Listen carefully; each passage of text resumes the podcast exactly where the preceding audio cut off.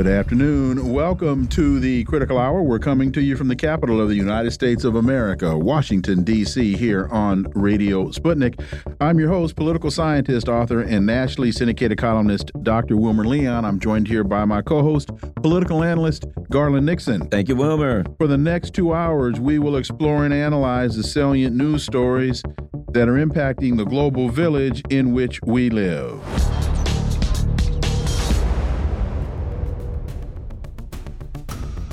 20 years ago, the United States exacted a brutal coup on the nation of Haiti. Joining us to discuss this and more, we've got Dr. Jemima Pierre. Dr. Pierre is a professor, a member of the Black Alliance for Peace, and an editor of the Black Agenda Review segment of the Black Agenda Report. Dr. Pierre, welcome back to the Critical Hour. Thanks so much for having me. The 2004 coup d'etat, planned and enabled by the United States, France, and Canada, has been one of the most consequential events in Haiti's history. It is singular in its significance not only for the history of Haiti, but also in how it signifies a key victory for the U.S. and Western imperialism. In the global, in the global struggle for decolonization, we ignore Haiti's plight at our peril. Dr. Pierre, let's, for those who may not know, let's start because I'm sure there, you, well, you know how America is. We don't talk about about Haiti here, and in particular about U.S. imperialism in Haiti. Let our listeners know what happened in Haiti in, in, in 2004, how it went down. Yes, yeah, so in the early morning hours, February 29, 2004, this was yesterday, exactly 20 years ago, officials from the U.S. Embassy in Haiti, accompanied by heavily armed U.S. Marines, Special Forces, came to the home of President Jean Bertrand Aristide and ordered him and his family into a car um, and for a ride to the international airport.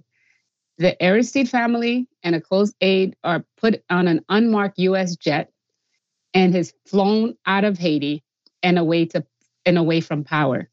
Um, hours later, he would end up at the uh, at the Central African Republic, not knowing what happened to him. And later on, he would say that his private security, which was a firm coming out of, I think, Washington in the US, a private firm, were already taken by US, uh, US Marines and put in the back of the airplane. So they disarmed and disbanded his private military, put them on the plane. And then um, Condoleezza Rice, at the time, signaled that they did not want Aristide anywhere in the hemisphere. They first landed in Guyana to refuel. The Guyanese government did not know that it was Aristide on the plane. They did not allow Aristide to lift the, the, the blinds. And they flew him to Africa. And at the same time, the uh, the U.S. ambassador to Haiti, um, um, I think his name is James Foley at the time, went to the Supreme Court justice's house in the middle of the night, and then basically made him interim president of Haiti. So this is a brazen kidnapping of a U.S. president, which was. Um, which is actually very well documented by Democracy Now's archives. When you wake up, where they where they they're talking to Aristide, who was uh, given a phone to call briefly that he had been kidnapped. So to me, this begins the beginning of the end of the Haitian state. Um, when this happened, there were about 8,000 um, um, um 8,000 uh, uh, elected officials in Haiti. And um, by and now there are none. And to me, this is one of the um, one of the most this is the most successful exercise we would say in uh, in neo imperial sabotage of a country. The U.S., France, and Canada were able to remove a democratically elected and popular president, bypass the country's constitution, and over the past 20 years have installed prime ministers and presidents while completely overseeing the dismantling of the Haitian state. And this was all done, and this to me is key, however, unwittingly, in, uh, with the support of the world, because they thought that the US was doing the right thing. In your piece that uh, is in Black Agenda Report entitled Haiti 20 Years After the Coup, uh, you write that uh, during Aristide's first and second terms, the government created enemies both to the left and to the right of the political spectrum. Elaborate on that and why you find that so significant because in a functioning democracy, you're going to have those types of um, conflicts, which many would call those conflicts, in fact, the the resolution of those conflicts is democracy. Why why is that so significant as it relates to Aristide? Well, definitely. You know, um, people don't. I hope people know. So Aristide is the first democratically elected government um, president of Haiti ever in its 226 years. And so Aristide came to power in 1990 after Haiti had been under 30 years of a dictatorship sponsored by the US, the Duvalier, the Duvalier dictatorship. Aristide came to power with a popular movement in the, in the late 80s, early, early 90s, where he received almost 70% of the vote in the first democratically elected um, uh, democratic elections in Haiti, where the U.S. did not assume that the the popular movement was going to win. They were shocked by the result of the elections, which is, I think, part of the reason now from now on they will control everything that happens in Haiti. So, but within nine months of Aristide's presidency, by the middle of 1991, the U.S. sponsored the first coup d'état in 1991 against Aristide, um, which caused wreaked havoc and people were protesting and so on. And during those three years, Aristide was actually in exile in the US. And the U.S. media was demonizing him because he was seen as a populist. He want uh, as a populist government wanted to not wanted to uh, did not want to um, uh, privatize uh, uh, government uh, privatize like the electricity, privatize all the the the, the main um, things infrastructure of the country. And, and things got so bad that actually Bill Clinton brought Aristide back to power in 1994. But the mistake that everybody says that Aristide did, he accepted coming back to power by accepting IMF World Bank regulations and, and, and, and austerity measures that the US really wanted to put on Haiti. So the left in Haiti really were disappointed with Aristide. Uh, uh, the, the, those are the far left. And then the right wing thought that he did not do enough by keeping minimum wage down and so on and so forth. So you had that. But the other thing is when Aristide was brought back in 1994, the US told him he can only serve the last nine months of his term, which meant that he did not serve his entire term. And so what happens with Aristide after that is, you know, he was he was forced to put on austerity measures through the IMF, World Bank, whatever the US wanted him to do. And he did not want to do that. And he slowly did that. But then he left power and then came back again in 19 came back again in um in in the 2000 elections because the other thing is people don't know that Haiti because of the long history of dictatorships a president cannot repeat his term. He could go get off power and then come back after five years. And sure enough, in 2000, he came and he became um, very popularly elected.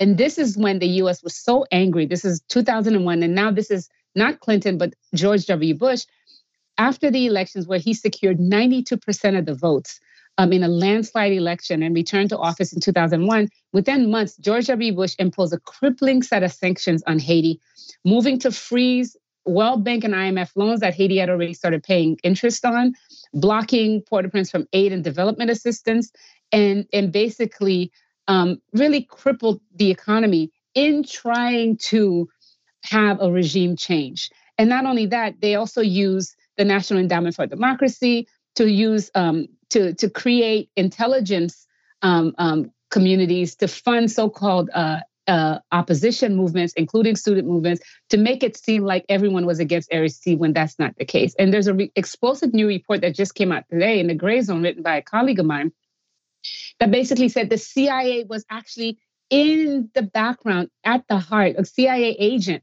was actually behind a lot of the the the the violence that led to the 2004 coup. Well, you know, when you look at what's happening today, when we look at, um, you know, the um, Haitian gangs, as we're told, running around with literally two thousand dollar people barely have food to eat, and they have a two thousand dollar machine gun, and everybody around them has a machine gun. When we see the violence, we see the U.S. empire empire saying, "Hey, you know, we've got to act because they have violence." In light of you revealing that the CIA was behind that stuff before, it seems to me that one could suspect that the CIA is up to that again. Create the violence, create the instability, and then say, well, we've got to come in to deal with the violence and instability. Dr. Pierre. Definitely. And I think, you know, this is a combination of the, the Haitian oligarchy, the business elite, working together with the transnational organizations and the US to create, uh, uh, to wreak havoc.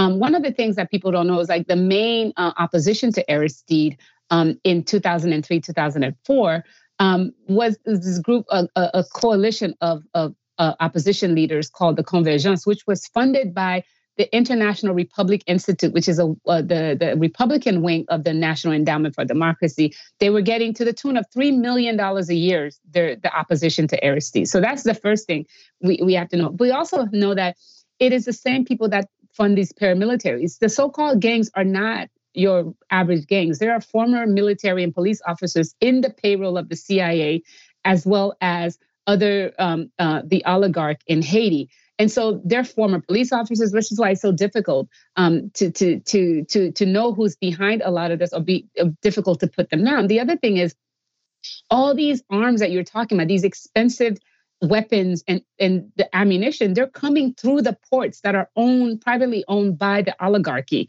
Um, and I, people don't remember, but China and Russia say were, were saying that actually the way to deal with the problem in Haiti is to actually put an arms embargo.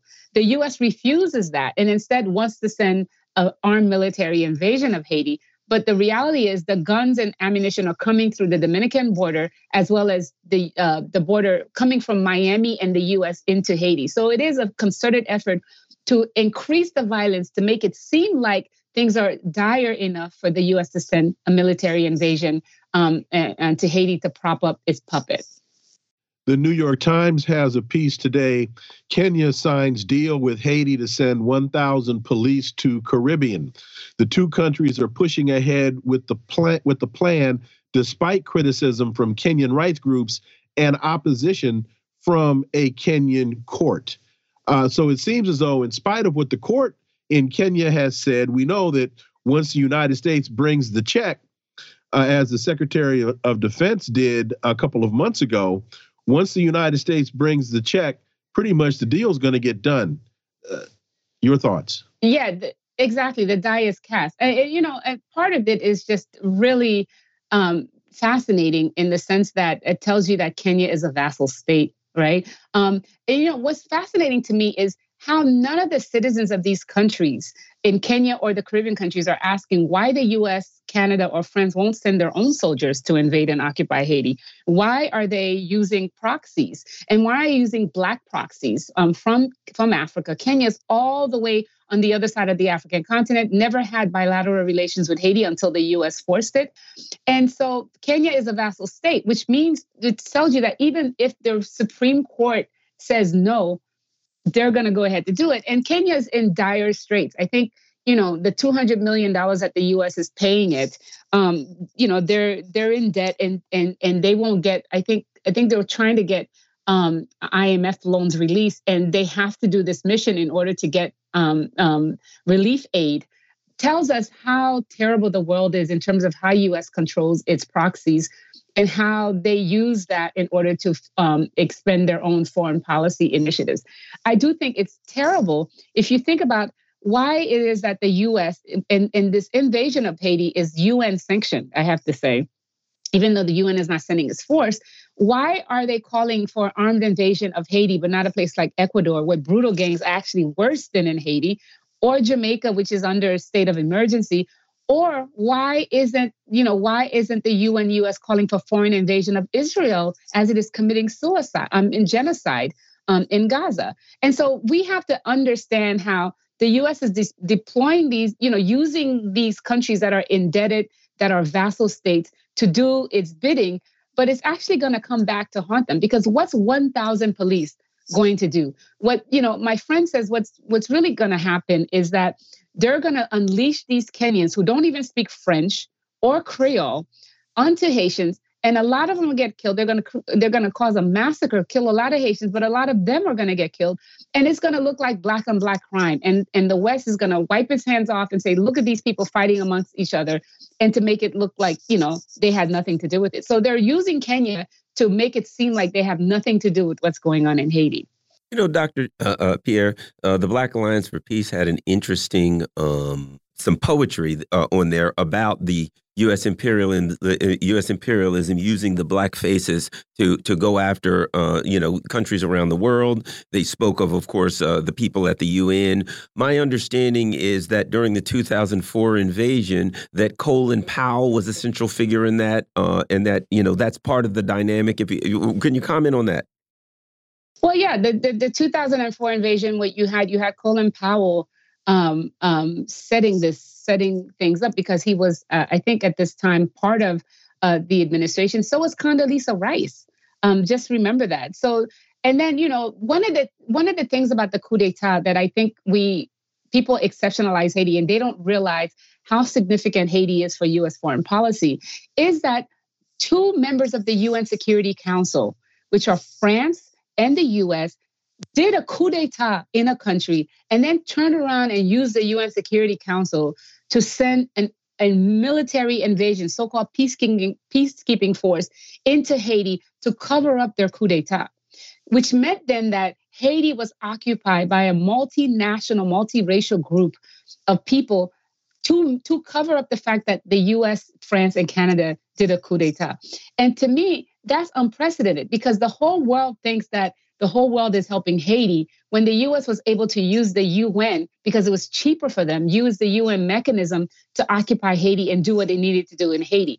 That to me is the, the logic that we need to remember that what they that Haiti is this laboratory that they can do this with, and everybody thinks this is great, and everybody you know think this is multilateralism when in fact it's just US empire using others to do its dirty job. And and in that sense, it's sad to me that you have now you have blackface, you know, Kenya, blackface empire. You have US. It's it's been it was US. It was black US um, um, operatives like Linda Thomas Greenfield, who was in the Caribbean this past weekend, to get this arm invasion going. Brian Nichols, the entire State Department is filled with people of color doing the bidding of U.S. empire. And and if we don't realize that what's happening, and if we don't call it out for what it is, we are really doomed. These countries in the global South are really doomed to fall um, um, by U.S. Im- imperial tactics. Dr. Jemima Pierre is a professor. Uh, she's a professor, a member of the Black Alliance for Peace, and an editor of the Black Agenda Review segment of the Black Agenda Report. Dr. Pierre, thank you very much for, for coming on with us. Thanks so much for having me. You're listening to the Critical Hour on Radio Sputnik. I'm your host, Garland Nixon. And Dr. Gerald Horne coming up next. Stay tuned.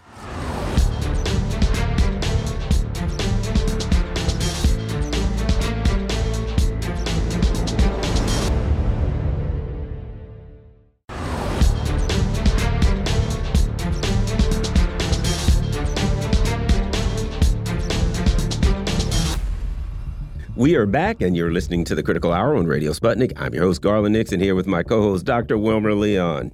Thank you, Garland. U.S. imperialism is flirting with World War III as French President Emmanuel Macron suggests sending EU troops to Ukraine.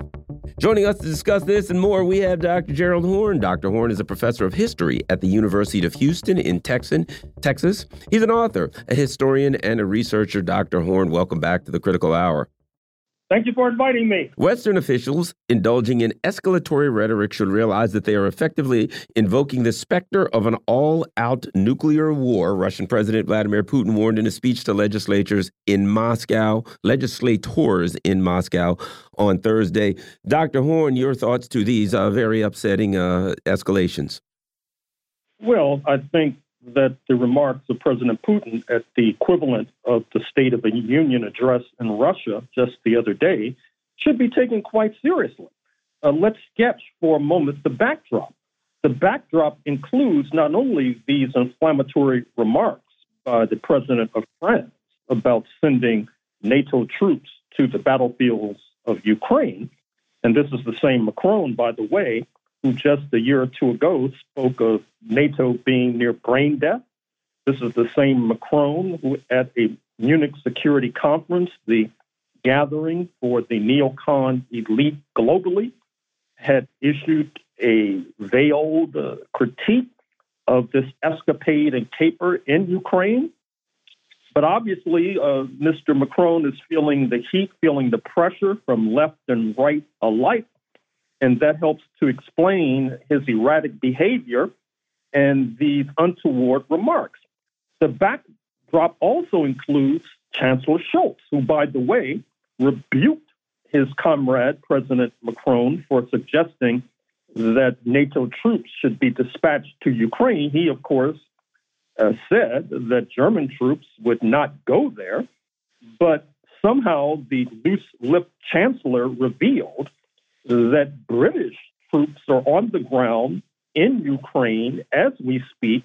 That is to say, operating these notorious uh, Storm Shadow missiles in Ukraine, targeting Russia, and bringing up that particular escalation should also remind us that uh, before Mr. Macron made his rather intemperate remarks, recall that there had been a debate in NATO as to whether or not tanks should be sent uh, to Ukraine, whether or not the so called HIMARS should be sent to Ukraine. And there are those who suspect that given the fact that those particular uh, kinds of weapons eventually were dispatched to the battlefield, that it'll only be a matter of time before uh, NATO troops are dispatched uh, openly and notoriously uh, to Ukraine, because we need to recognize that NATO and the United States have stumbled into the worst of both worlds in the sense that it is enmeshed in a war it cannot win, but it can't afford to lose. And when you are in such a corner, inevitably it leads to the kinds of intemperate remarks of Mr. Macron. It leads to uh, Rishi Sunak of London uh, dispatching the flower of British youth to an uncertain fate in Ukraine. What NATO has stumbled into is not only battling Russia, which is the largest uh, country by population and territory uh, on the old continent, uh, endowed with vast natural resources, be it gas or oil or diamonds or gold, but also a substantial manufacturing base, which is now out manufacturing the North Atlantic bloc in terms of all important artillery shells.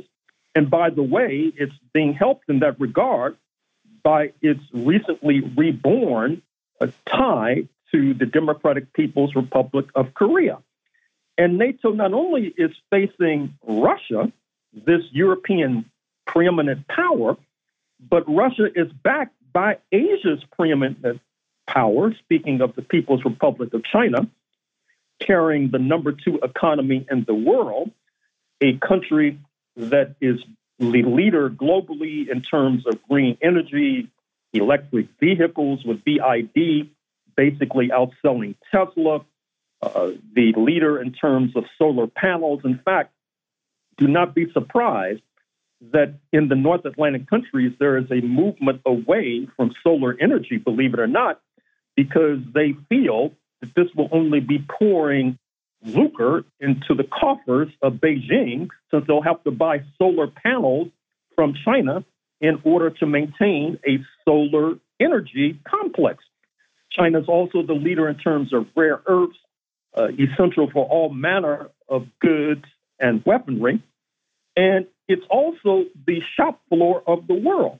And so NATO, the United States, and its North Atlantic allies have stumbled into this conflict somehow with the leading power in Europe and the leading power in Asia. And I think taxpayers and U.S. citizens should ask themselves uh, how did all of these think tankers and bureaucrats at the State Department and the Pentagon that our dollars are helping to subsidize how did they manage this kind of potential quagmire that NATO and the United States are now enmeshed in? I'm not mentioned, of course, the role of Iran on the side of Russia and China, that is to say, this major energy producer with influential allies in Gaza, in Yemen, in Syria, and in Lebanon alike, all of the above backed by the BRICS Brazil, Russia, India, China, South Africa, uh, plus uh, Egypt, Ethiopia, the United Arab Emirates, Saudi Arabia, and Iran, which now collectively have a larger economy than the G7, that is to say, the United States and the Western European allies, plus uh, Japan. So we have arrived at a new international situation that obviously the Pentagon and the State Department and the White House did not bargain for. And rather than making a sober assessment and trying to make the best out of this rather uh, daunting situation, uh, they're floating ideas about nuclear conflict. They're floating ideas about escalation in Ukraine. They're floating uh, rather harebrained ideas concerning Russia supposedly uh, putting uh, weapons in outer space. At the same time, the United States refuses to carry forth with a negotiation on Russia about the militarizing of outer space. And so we, we see that this is a major defeat that has been inflicted upon the powers that have been dominating planet Earth for hundreds of years, and now we're going to have to get accustomed to a bitter new reality. Mondoweiss, excuse me, has a piece. I will no longer be complicit in genocide. U.S. soldier dies of self-immolation in protest of war on Gaza. Uh, talk about the impact of this act and what does it demonstrate to you in terms of this whole anti-Zionist movement gaining much more traction a lot faster than I think a lot of people ever imagined would happen? Well, first of all, all praises due to uh, Aaron Bushnell, his latest martyr on behalf of anti imperialism and indeed anti Zionism. For me, it recalls the time when, in protest against the genocidal U.S. war in Vietnam, you had Vietnamese who were engaged in self immolation in protest. And we all know how that conflict eventuated. That is to say, in April 1975, with the ignominious defeat inflicted upon U.S. imperialism, uh, which continued to resonate throughout the decades. Uh, with regard to this anti Zionist movement that you have made reference to, of course, we need to recollect what happened in Michigan uh, just a day or two ago when uncommitted in the Democratic primary achieved a stunning victory insofar as it was thought that if 5% voted uncommitted, that would be significant, but it turned out to be north of 13%, which means that it's profound. You see that Marianne Williamson, who had suspended her campaign uh, after getting 3% and besting uh, Dean Phillips, uh, who, unlike Williamson, has not been vigorous in terms of calling for a ceasefire. Uh, you see that Williamson has unsuspended her campaign because now she sees herself as a vector of anti war sentiment within the ranks of the Democratic Party. Uh, this caused the ordinarily uh, stumbling Mr. Biden to reveal while chomping on an ice cream cone that he expected a ceasefire uh, by Monday. Now, this came as a surprise to both Hamas and Netanyahu alike, and perhaps uh, Mr. Biden was reflecting his well known and notorious habit of shedding brain cells, or perhaps this was some sort of sophisticated strategy of placing pressure on the two parties. We shall know by Monday, I would imagine. But in any case, we already know that Netanyahu is incentivized to continue this war because it delays his trial on fraud charges. It helps to elongate his stay in the prime minister's post and therefore escape prison. We also know that Mr. Netanyahu has no love lost when it comes to Mr. Biden.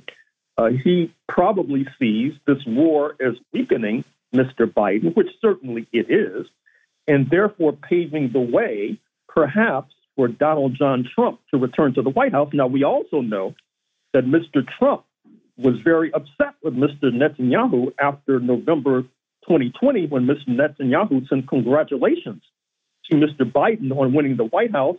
Uh, Mr. Trump saw that as a betrayal because, as you know, Mr. Trump and his minions have concocted this fiction that the election was stolen, and therefore it's unclear whether or not Mr. Trump will be as kind and gentle towards Mr. Netanyahu, assuming he returns to the White House in January 2025.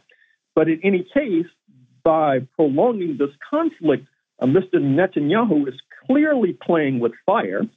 The Yemenis continue to impose militarized sanctions on Israel by halting shipping in a real sense to Eilat, the major Israeli port. We see news reports this past week of a possible escalation of this conflict between Hezbollah in southern Lebanon and Israel. Uh, we already know that northern Israel has been virtually abandoned because of the missiles shot into that territory from southern Lebanon. Uh, the northern Israelis are now being put up in hotels in the center of the country, which is burdening the already stressed Israeli economy, which is losing altitude with every passing second. We also see that Israeli allies in the United States are engaged in a kind of immolation all of their own. What I mean is that the Zionists would like us to believe that they're the ultimate protector and shield for the Jewish American community. But by backing this genocidal war and attacking those on the left who oppose this war, they're creating fertile conditions for the continued rise of the U.S. right, which has been taking rather dangerous turns in recent days. I'm speaking of the Conservative Political Action Conference just the other day, where neo Nazis were spotted and were uh, rubbing shoulders with so called conservative Republicans. I'm talking about these neo Nazi marches in Houston, Texas, and Nashville, Tennessee, amongst other sites. And then, because of the pressure of this conflict, a major ally of the Zionists has been stumbling badly. I'm speaking of the New York Times, which is under fierce assault because just a few months ago they published an inflammatory story alleging that Hamas on October 7th was involved in mass sexual assault. This story now has been debunked online by the Electronic Intifada, the Gray Zone, the Intercept, etc. And all that is awaiting is a self examination and a self critique of the great lady of Manhattan, speaking of the New York Times, but don't hold your breath in waiting for that kind of self critique. Dr. Horne, a very important country, in Indonesia, has had a um, has had an election. There's some instability there as the ruling party has raised concerns about the conduct of this month's presidential election. What say you about uh, Indonesia? Well, this is a very tense situation unfolding in the world's largest uh, archipelago, the world's largest predominantly Muslim nation, a country that has close ties to the People's Republic of China, but also has not burned bridges with the United States of America. Uh, keep in mind, however, that the Chinese minority in Indonesia not only dominates the economy, which in recent years has led to pogroms targeting them, but the Chinese minority also has been influential on the political left in Indonesia, and that particular situation led and contributed to the bloody coup in Indonesia in 1965 that decapitated the left and set back uh, Indonesia politically and economically uh, for decades to come. However, Indonesia is also the world's major producer of nickel, also essential to the green economy. And given the strength that Indonesia wields within the so called global south, speaking of the global majority, and given the fact that it has a predominantly a Muslim uh, population, uh, this has allowed the specter that you might have noticed a few months ago when then Indonesia leader Joko Widodo was spotted in the Oval Office twisting the arm of Mr. Biden with regard to his unalloyed support for Israeli genocide in Gaza. So this situation in Indonesia has yet to sort itself out.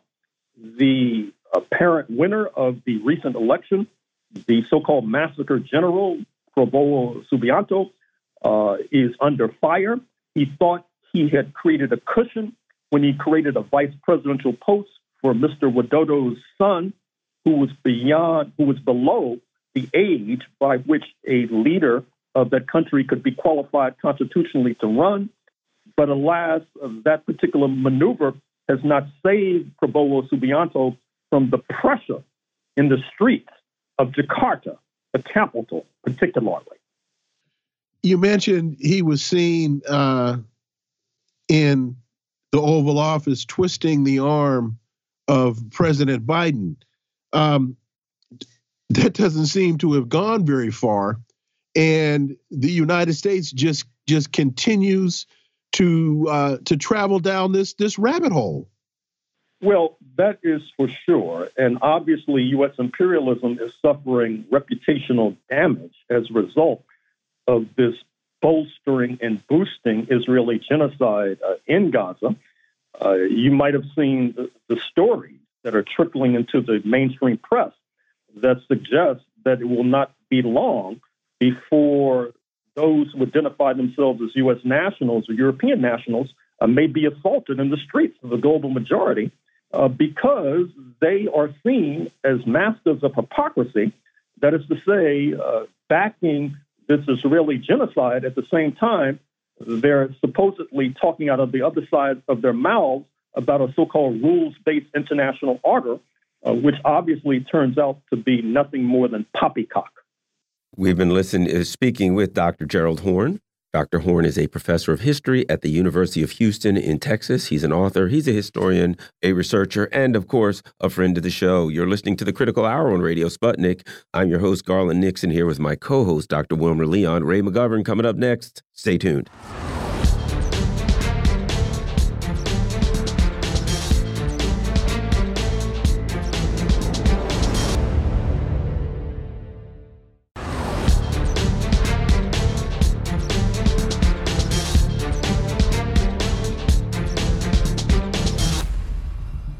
We are back, and you're listening to the Critical Hour on Radio Sputnik. I'm your host, Garland Nixon, with my co host, Dr. Wilmer Leon. Thank you, Garland. We got some breaking news. Uh, German elites have been caught plotting attacks on Russia.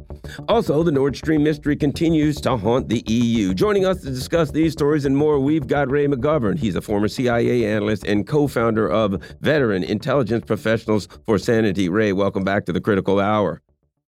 Thank you, Garland. Well, Ray, you know, we had things to talk about. We do have a breaking story, and we try to jump on those, breaking for us anyway. And uh, apparently, an alleged audio of German officers discussing a Crimean bridge attack was leaked. The file was provided by uh, Russian security officials to RT. And what's interesting, if you look down that and you look into that, apparently somewhere in the conversation, um, I've read a couple different parts of this that they basically say, yeah, you know, we need plausible deniability. We want to stay clear. Unlike the Americans and the British who have been directly involved from the beginning. Uh, dangerous stuff here, particularly in light of the statements by Emmanuel Macron recently. Your thoughts, Ray McGovern? Well, this is highly embarrassing uh, uh to the, the allies who have been reluctant uh, to, um, to to show their distinct involvement in this issue. Uh, Scholz, by the way, is in Rome today seeing the Pope. Uh, I think he may be asking for permission to go bomb the hell out of whoever he wants. I'm not sure about that. Anyhow, here are, you know, I, I have to say that when Simonyan, uh, the head of RT, actually she's a higher official in their uh, public relations department, uh, when she says this kind of thing, I think you could take it to the take it take it seriously. Uh, obviously, they have this tape. Now, I've been searching for the last two hours since I first heard of this for the German tape. Uh, I would love to hear in the original what these Germans are saying to each other. But apparently, what they're saying to each other is, okay, you know, we have these long range missiles, and you know we have to hit Crimea for God's sake. Just look, don't be a coward. Hit Crimea, and then uh, hit the Crimean bridge. Hit that that Kerch bridge that connects uh, Crimea with Russia proper, Krasnodar uh, Oblast, and and uh, yeah, let's do it. But let's figure out how to do it. Okay, so Like says that she's uh, resisted pressure so far to release the original. I hope she does. But the really interesting thing is, and this uh, this is something nobody took note of. Uh, Robert Gates, uh, who used to be head of the CIA and then was head of the Defense Department, that is Secretary of Defense, under both Bush and Obama, uh, he's considered to be a wise man now. And his publicist, a fellow named Ignatius, David Ignatius, who was also the PR person uh, for the CIA, mind you. He's with the Washington Post. He did a big interview with Bobby Gates five days ago. And uh, what he said was that uh, Bobby Gates uh, would like to be more aggressive. Head out at uh, Crimea, show him a lesson, and, quote, drop the Kerch Bridge, end quote. Bomb it to hell. Whoa, you know, you know, one of my tasks is to read all this stuff. Okay, so I did. I caught that, and I put up a put up a little tweet on it saying, "My God, here is this wise man, Bobby Gates, saying, well, you know, let's get into World War Three. And I was on a different show, and they said, "Well, what about this Bobby Gates? Do you know him?" I said, "Yeah, he used to work for me. He's a windsock." Now, that's the important word here, windsock. I mean, is he speaking for an influential element, not only in the White House, but also in the German army? My God. Uh, one last thing on Bobby Gates. You know, the way he was recruited to be Secretary of Defense was when Donald Rumsfeld, of all people, was going wobbly on the war in Iraq. he had written a memo. We have the memo. We have to change our policy. It just isn't working. So what happens? Bobby Gates is invited to Crawford, Texas, personal interview. And the president, uh, President Bush, says, uh, Look, uh, we're taking on the chin in Iraq. We need a new strategy. Um, new strategy. Now, and that Rumsfeld, he's going wobbly here. Uh, and David Petraeus, is really spit and polished general. Three stars. He's going to have four stars. He needs some help. And so, uh, and Gates says, Well, sir, why are you telling me all this? And Bush says, Oh, we want to make you Secretary of Defense. And Bobby says, Oh, I could be Secretary of Defense? And Bush says, Yeah. She says, Excellent idea, excellent idea for this surge into Iraq with David Petraeus leading the surge. Over 900 more American servicemen killed in that surge in 20, 2007. And, uh, you know, then in Afghanistan, Bobby Gates is is pushing for for still more troops. Uh, yeah, David Petraeus says this is really yeah, more and more troops. And then finally, and this is the I mean, this give you an idea of the type of guy he is here. Uh, finally, he says uh, right before he leaves office, he's speaking to the cadets. This will only take a second here. He's speaking to the cadets at West Point, you know, and he says, you know, 80 young West Point cadets have already fallen in battle since 9 11. And I feel so sorry about that. You need to know I feel personally responsible for each and every one of you as if you were my sons and daughters. And for as long as I remain Secretary of Defense, I remain true. I bid you farewell. And then he said, You know, my final advice is any future defense secretary who advises the president to again send the big American land army into Asia or the Middle East should have his head examined, as General MacArthur so delicately put it, period, end quote. so here's the guy that sent, sent hundreds of thousands of people into Afghanistan, at least 2,000 U.S. servicemen killed, 900 servicemen killed in this feckless surge in Iraq in 2007. And now he's saying, uh, if I were advising now, I would say, no, no, no. You should have your head examined if you want to put, as he puts it, a big American land army in Asia. So, my bottom line here don't listen to this. I have to choose my adjectives carefully. Don't listen to Gates, uh, but be aware that he's a bellwether, he's an windsock. And at least we know now, because I trust uh, Simonian, we know now that there are people in the German military chafing at the bit to do precisely what Gates told Ignatius we should do, and that is, quote, drop the Kerch Bridge and attack uh, attack Crimea. So, you know, heads up, guys. Uh, who knows what's going to happen? Uh, I really look forward to seeing the, the original German of that conversation.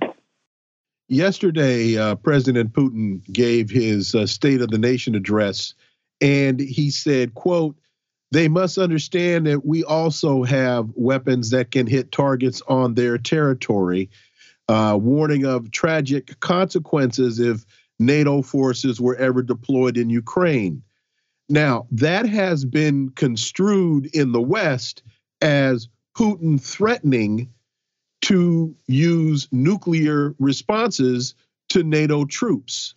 Now, if you take that and then you add to that this idea of bombing this bridge, um, it they're smoking at the gas station here. It, it seems as though they're doing everything in their power to provoke a world war. And I don't use that term world war loosely at all. I just go back to the circumstances that led to the beginning of World War One. Well, that's right. Um, what Putin is trying to say, and what he said explicitly in these words, they have to understand. Now, why did he say that? Because he's not sure they understand. I mean, these guys never wore a military uniform. I don't know if they were in the Boy Scouts or not, but they know which end is up. Compared with the Russians that have suffered, as you all know, uh, mightily from people coming into, oh, where was it? Coming through Ukraine, like Napoleon, you know, like Hitler, for God's sake, you know? So, uh, what Putin is saying, look, for God's sake, please why can't you understand that if you do something really threatening to our country, namely put uh, the UN or not UN but NATO troops in in uh, fighting fighting in Ukraine, or do worse things like uh, uh fly F-16s with uh, uh, with the capability of carrying nuclear missiles. Well, just remember, you know, just remember that, that we have a, a, an excellent capability to retaliate. And he's saying, you know, we have actually a better capability to retaliate because, well, you've been building these fancy F 35s, they can't fly if, if it's raining.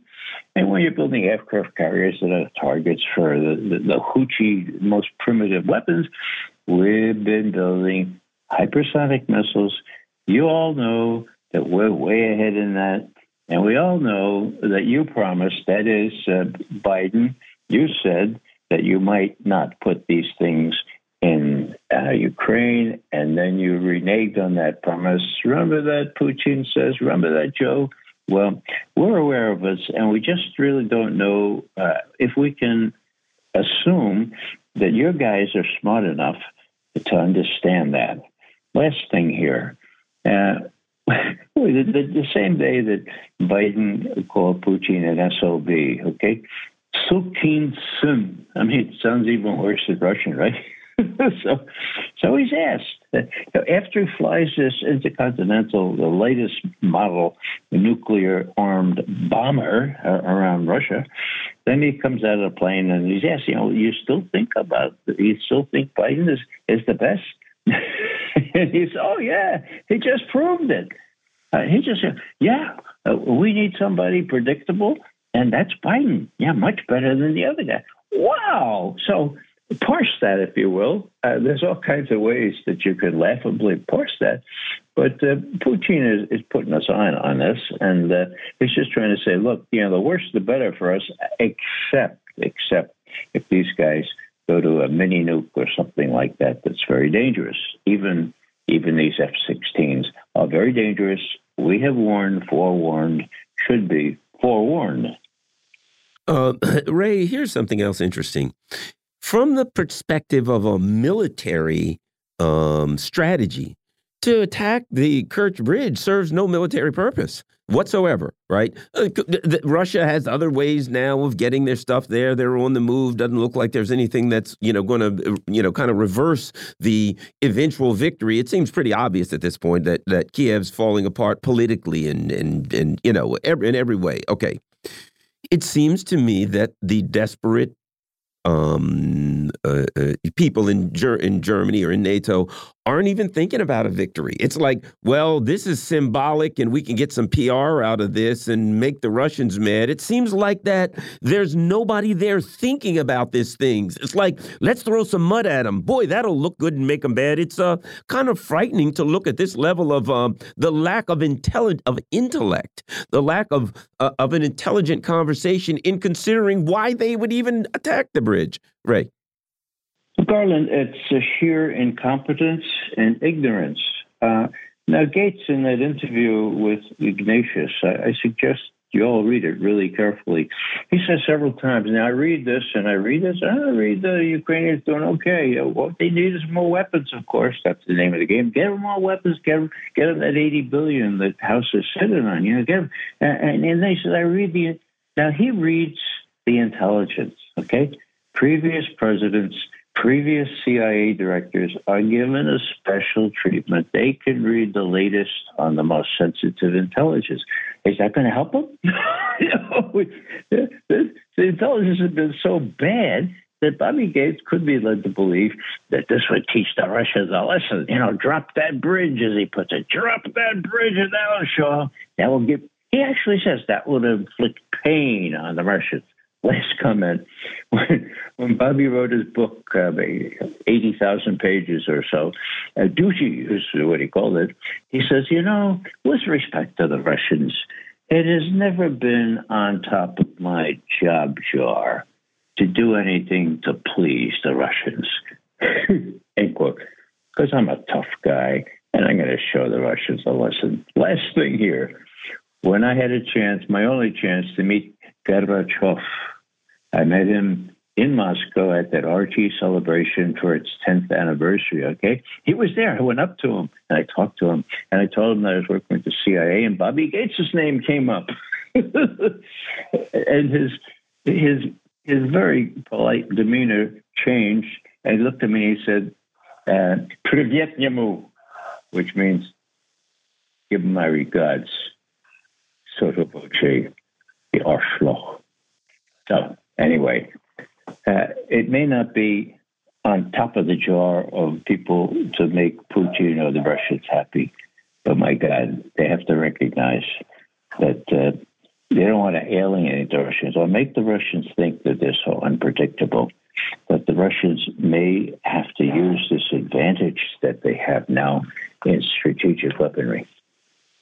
And finally, Ray, it's being reported that Republican senators make U turn as they urge negotiated settlement of the conflict. None other than Marco, little Marco Rubio, vice chair of the Senate Intelligence Committee, says the reality at this point that we have to confront is that war ends with a negotiated settlement. Ray McGovern. Uh, you know, it's really hard to read these guys. Uh, he's the same guy that vote vociferously uh, to give uh, 80 or 81 billion more to Ukraine, and of course 14 billion to Israel, X billion to Taiwan and whoever else. Okay, so I don't know. A lot of it is rhetoric now, but it is significant that the rhetoric itself is changing. I mean, hello. If they don't get a negotiated settlement or something that they can depict as same, uh, it's going to be just a, a disastrous loss. And I think to finish up here, I think that's what Putin is really worried about. Because as, as John Kennedy said in that wonderful American University speech, he said, Look, you never give another nuclear power a choice between a humiliating retreat and using nuclear weapons. Well, that's what we are faced with now. Biden is faced with a humiliating retreat He's got lots of stake in here, not just the election coming up, but also his personal freedom for the stuff they have on him. So, what's he going to do? If I were Putin, I would have my my my folks on full alert because one of these neophytes, one of these ac one of these acolytes is going to say, "Oh, hey, Mister Mister Biden, well, this is what we could do. Uh, we did the cluster ammo. We did the depleted uranium. Who's going to complain if we do just a little mini nuke?" So that's the danger here, and that's what I think is preoccupying uh, Putin. However well he's doing in Ukraine. I think the one thing, Ray, that um, is good is that the support for the Ukrainian conflict is waning. The support for the for the U.S. being involved in the conflict or taking further actions is really starting to dry up in the U.S. I think that is a positive thing that could have an effect. Well, about uh, one minute or thirty seconds to a minute, Ray.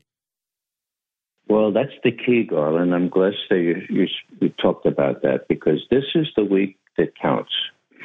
The question is whether enough Americans will go to their representatives and say, look, no more money, no more money to Ukraine. It's a fool's errand. Because Mike Johnson, the Speaker of the House, is under incredibly big pressure to approve that. There's all kinds of reasons why he should give in. I have, I have a bet with Judge Napolitano. Uh, the judge is smarter than I am on these things, and he says, oh, he'll, he'll have to cave. I say no and 25 cents is at stake here. Let's see what happens in the next week. But if Americans don't get out and make their voices heard, chances are the judge is going to win the bet and Mike Johnson's going to cave. We've been talking with Ray McGovern. Ray is a former CIA analyst and co founder of Veteran Intelligence Professionals for Sanity. You're listening to the Critical Hour here on Radio Sputnik. I'm your host, Garland Nixon, with my co host, Dr. Wilmer Leon. Coming up next, we have Steve Poikonen and uh, Jim Kavanagh. We're going to be talking about a lot of the same things we have, but we got Julian Assange uh, we've got to talk about and more. You're listening to the Critical Hour on Radio Sputnik. We'll be back. There's another hour on the other side.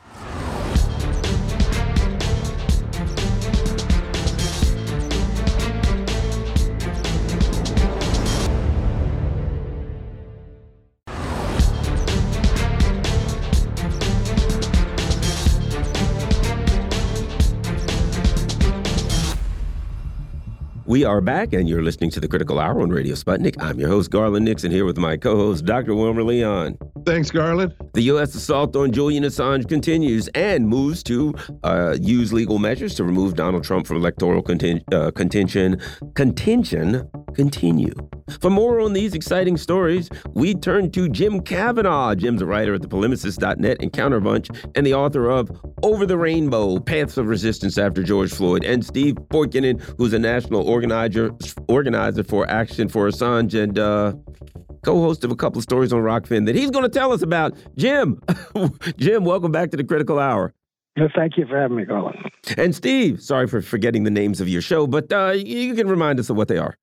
Let's give that a shot. Uh, I host AM Wake Up and Slow News Day on Rokfin and Rumble, and yeah, you should check those out. Thanks for having me, fellas. All right. The approval of Julian Assange's extradition is not only morally wrong, it appears to be wrong in law, and serious questions should be asked of the UK Home Secretary, as well as the Australian Prime Minister and Foreign Minister, and the former incumbents of these positions.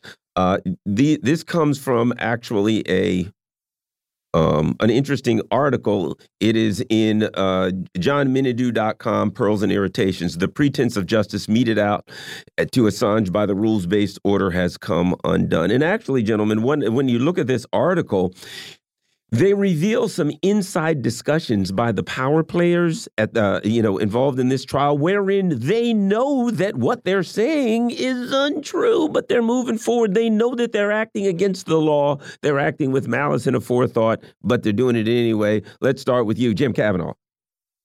Well, yes, they into uh, they reveal here that there was some kind of conversation, like a sidebar, in which uh, the uh, prosecution in this case essentially admitted that they cannot state with any certainty that Assange will not be charged with a, a capital offense, with a death penalty offense. And it is against British law to extradite someone who might be charged with a with a death penalty.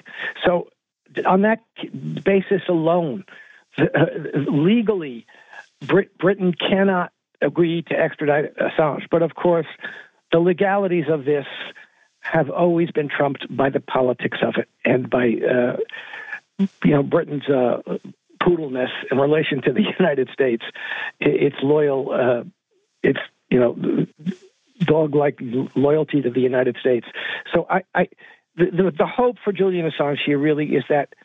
Uh, Biden doesn't want him coming back now, so they'll give him another uh, uh, uh appeal. This is this this uh, proceeding now is about whether he can re- whether he can reappeal.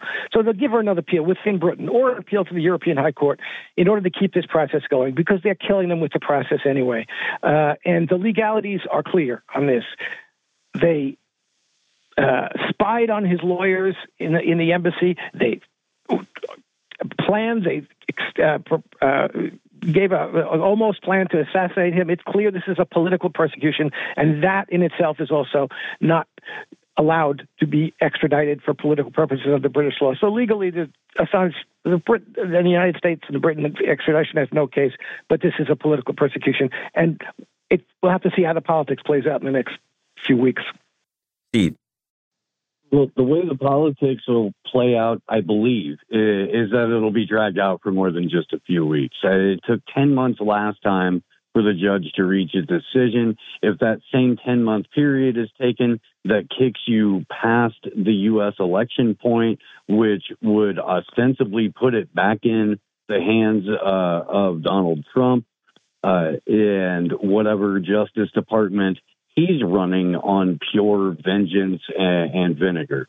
Um, so that's going to be the only way out, really, is if the mainstream press and a heavy contingent of uh, Australian politicians and UK politicians make a huge stink about the quote uh, and the overheard conversation by Mohammed El Masri uh, which is where they talk about, oh, yeah, no, by the way, if we get them over there, there's nothing keeping anybody from additional charges, nothing keeping anybody from tacking on the death sentence because we can't guarantee that's not going to be a part of it. This whole court case right now is contingent on some special assurances that the United States provided to the UK. They're in open court, granted under whisper, but in open court, sitting there, uh, you know, contradicting everything that those assurances hinge on. It, it's not. It can't be called insanity. It, it, all it is at this point is the United States hell bent on destroying every aspect of what remains of the free press. There's a uh, interesting domestic development uh, RT reports Trump axed from another U.S. state ballot. Illinois has joined two other states' efforts to prevent the former commander in chief from vying for the Republican nomination. Again, Illinois uh, is is joining the fray. Jim Kavanagh, they really seem to be fanning the flames here because every time they seem to go down this road, it, it doesn't work. And all it does is just add more fuel to Donald Trump's flame. Well, exactly. You know, anybody who supports Donald Trump, there were at least 75 million people who voted for him, are going to be infuriated by this. You know, uh, first of all, this Illinois official didn't have to do this, uh, Illinois judge, Cook County judge, because the Supreme Court's going to rule on it. This was just a kind of uh, blue MAGA virtue signaling on on her part, and you know this is going to be ruled on by the Supreme Court whether the states can do this or not. But it is clearly an attempt to keep Donald Trump off the ballot. And, you know, as I've said, Donald Trump is a grifter. I mean, I personally know contractors in New York who won't work for Donald Trump because he stiffs them. I know I personally know, know people in my high school who invested in Donald Trump Atlantic City operations, and he filled up the board with his cronies and stole all the money and bankrupted everybody else. So he's a grifter. I have no. I mean, this is known for for decades, but he's the primary opponent, you know, and, and they just don't want him on the ballot because they're afraid of him, and all they're doing is demonstrating how afraid of him they are, which is giving him power. And everybody should be outraged about this, you know, attempt to keep your your number one op- political opponent off the ballot because you're afraid he might win the election. And the states don't uh, this insurrection charge, and the states deciding what's an insurrection and not. And it's just all obviously this is a political persecution, as Trump has said, and he's right. If I weren't running for president, they wouldn't be doing this. And that's exactly correct because what they would be doing, he would be the donor that he was before. He would be donating to all of them. That was my favorite uh, uh, slogan for the 2016 election. I'm not voting for Hillary Clinton or her donor. And if he just stayed to be the donor that he was and didn't stick his nose in, then they'd let him do all of this stuff that they're supposedly going to send him to jail and fine him $450 million for, et cetera. Steve, your thoughts? It's death by a thousand cuts of lawfare. If they can't get him at the ballot, they're going to try to get him through the bank. If they can't get his bank account, they'll you know take away his membership to certain country clubs. I whatever he will he'll be kicked out of the Screen Actors Guild. I'm not. They'll take away his WWE trophies. Yeah, whatever it takes because it, it is. There's no other way that you can look at it than lawfare for the sake of political persecution because this this political party, this entity, I guess, uh, is very, very, very afraid of having to run on their record. Because if they run on their record, they've got nothing. If they can say, we stopped a criminal fascist from taking over the country, so that's why you have to vote for the corpse of Nikki Haley, uh, you know, maybe that'll go over a little bit better as far as their consultants are telling them. Uh, but this is just blatant politicking. And as Jim noted, it's going to get thrown out as soon as it goes to the Supreme Court. You know, um, Jim, add this: uh, the the the uncommitted vote in uh, the Michigan primary recently, where Joe Biden um, got uh, faced a hundred thousand uncommitted voters. Um, the movement had pushed for ten thousand, but they ended up with ten times that many, which you know kind of doesn't look real good for Joe Biden winning Michigan. And let's face it, if a Democrat um, uh, does not win Michigan, if they lose Michigan, the path to the White House is very, very skinny, you know, uh, almost non existent. Uh, it, it, seems to me that what we're one of the things we're dealing with here is the Democratic Party, you know, what 80, 77% of the Democrats are in favor of Medicare for all, roughly that number in favor of um, a, a, a permanent ceasefire in Gaza, that the leadership of the Democratic Party, rather than acquiesce to um, the, the needs of their constituents, um, have to find another way to stop their opponent. You know, it's the Tonya Harding thing. You know, if I can't beat this person, I'm going to smack them in the knees with a with a lead pipe. But that Michigan thing to me shows a big part of the true motivation. We got to stop Trump because we can't possibly do what our voters want. Jim. Well, can I can I add sure, one, go ahead, one go ahead. element to that before Jim responds? Because uh, Jim said that uh, how bankrupt this this is basically another way of framing Garland's point. How bankrupt are the Democrats when they have to use these tactics to to remove Trump from the ballot?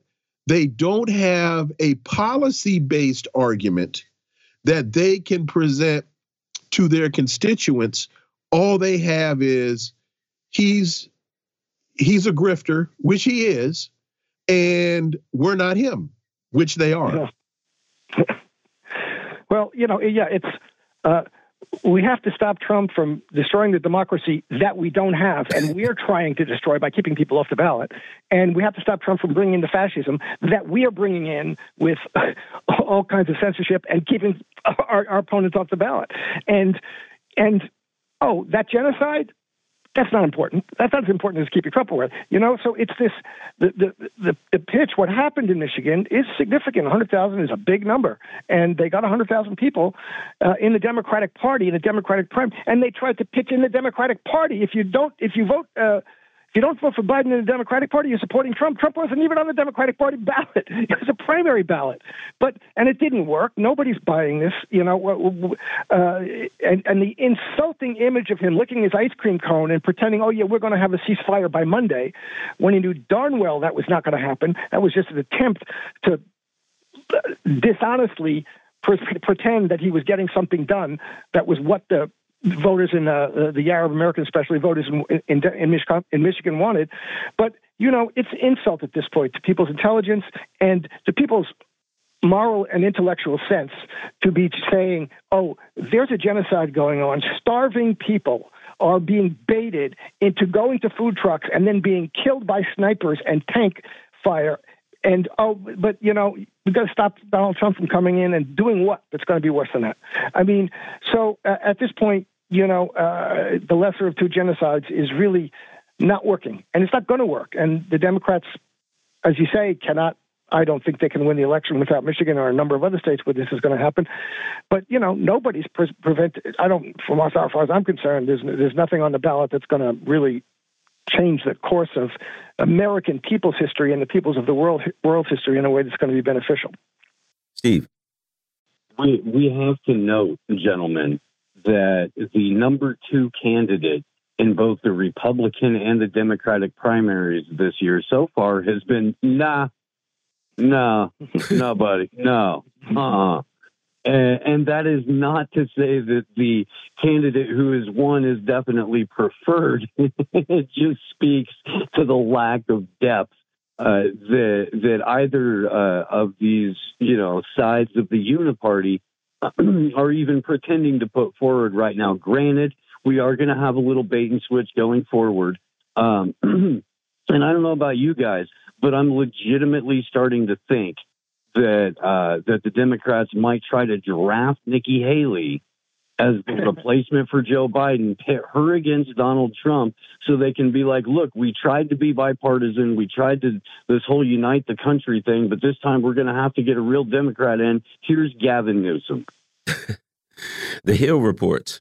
Aaron Bushnell had secret intel that U.S. troops are fighting in Gaza, friend claims in the New York Post. Well, we do know that the um, I believe it was uh, I forgot which paper it was, the one that uh, Glenn Greenwald had started. The Intercept had a, had an article out a month or so ago where they said that uh, U.S. troops were fighting in Gaza. If we recall, when the shortly after the conflict started, Joe Biden was pictured speaking with U.S. Special Forces on the ground in Israel, and then the the the um, the uh, photograph was quickly you know uh, denied, uh, gotten rid of, etc. But let's start with you, Jim. Your thoughts on Aaron Bushnell and the issue of U.S. troops fighting in Gaza.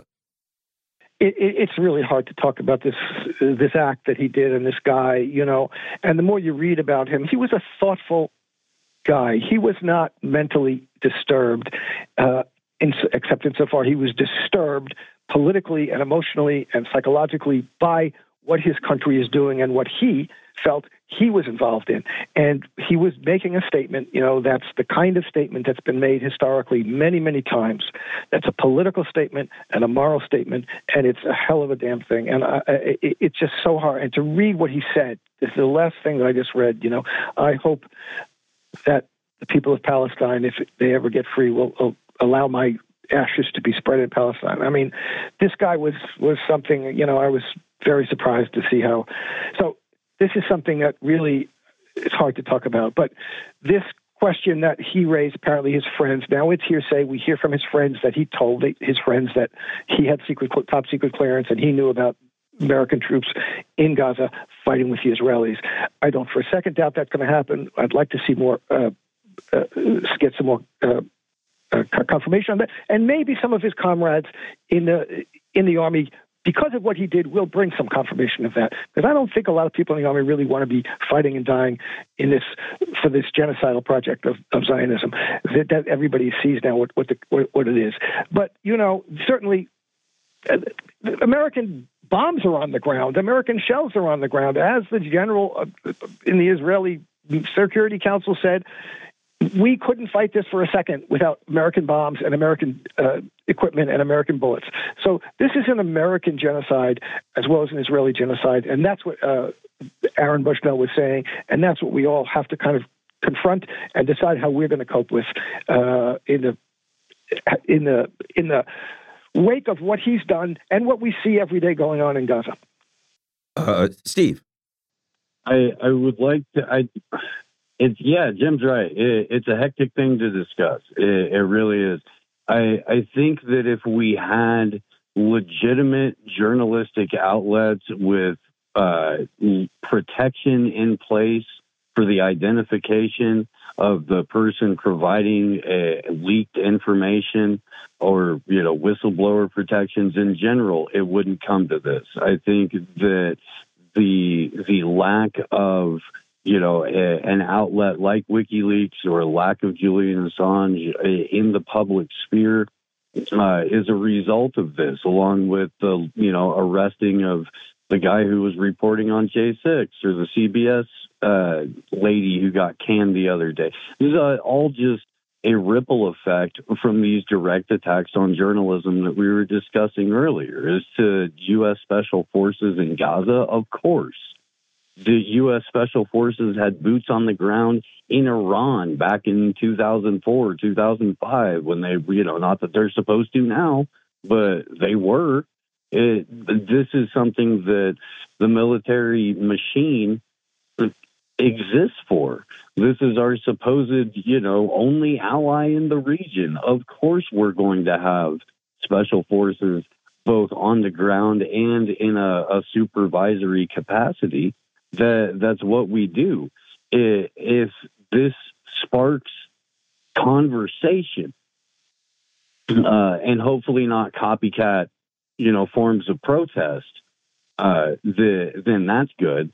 And I do hope that we get a flood of, uh, you know, both active duty and uh, military veterans who will corroborate not only the presence of special forces in Gaza, but in a ton of other places that everybody knows they shouldn't be. You, you know, Jim, you started your answer by stating that uh, Aaron was not crazy. Aaron Bushnell was not crazy. What about how the press, the Western press, has tried to frame him as being crazy, where in the in the Middle East he's now considered a martyr? Yeah, he, he, they're already holding up pictures of him in Palestine and Gaza, and he is around the world seen as and, and, and will be seen as a martyr and as as, as a hero. And the, the American press, the Western press, they're going to try and pathologize him. They're going to say this is a suicide. Uh, call your suicide hotline. You know, uh, he must have been uh, depressed or upset. Uh, you know, he grew up in a apparently did grow up uh, with a strict Christian family, uh, so a million million other people did. you know, uh, we had anarchist ties, so he had a he had a coherent. Uh, position. I've read some things that he stated that were extremely coherent positions about anarchist theory and political philosophy. And this was not craziness.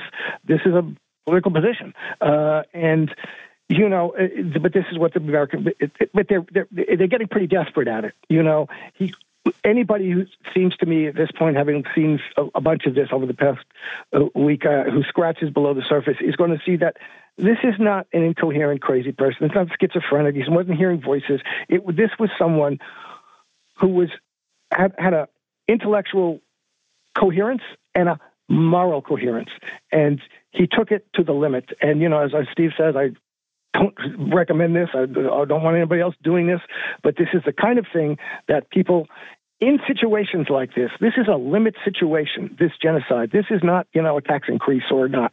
This is a limit situation. And he felt that very strongly. And he felt very strongly about his position it. You know, I, I went through things, many people went through this in the Vietnam era. You know, what are you going to do? What are you going to do? Uh, and, uh, uh, you got to throw your.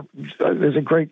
Uh, I think it was Mark Rudd who had a great speech about throwing yourself on the gears of the machine to stop it when things like this are happening. And that's what he felt he had to do. And it was a coherent political and ethical position that I don't recommend, but you know, you have to respect.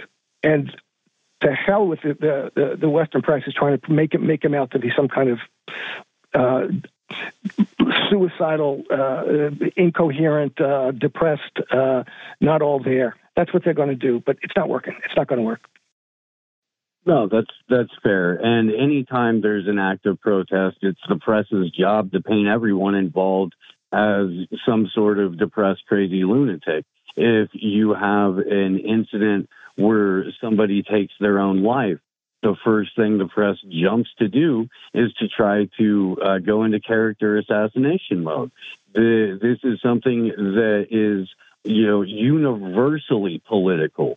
This is something that is universally recognized as a coherent act of protest, uh, albeit in the extreme.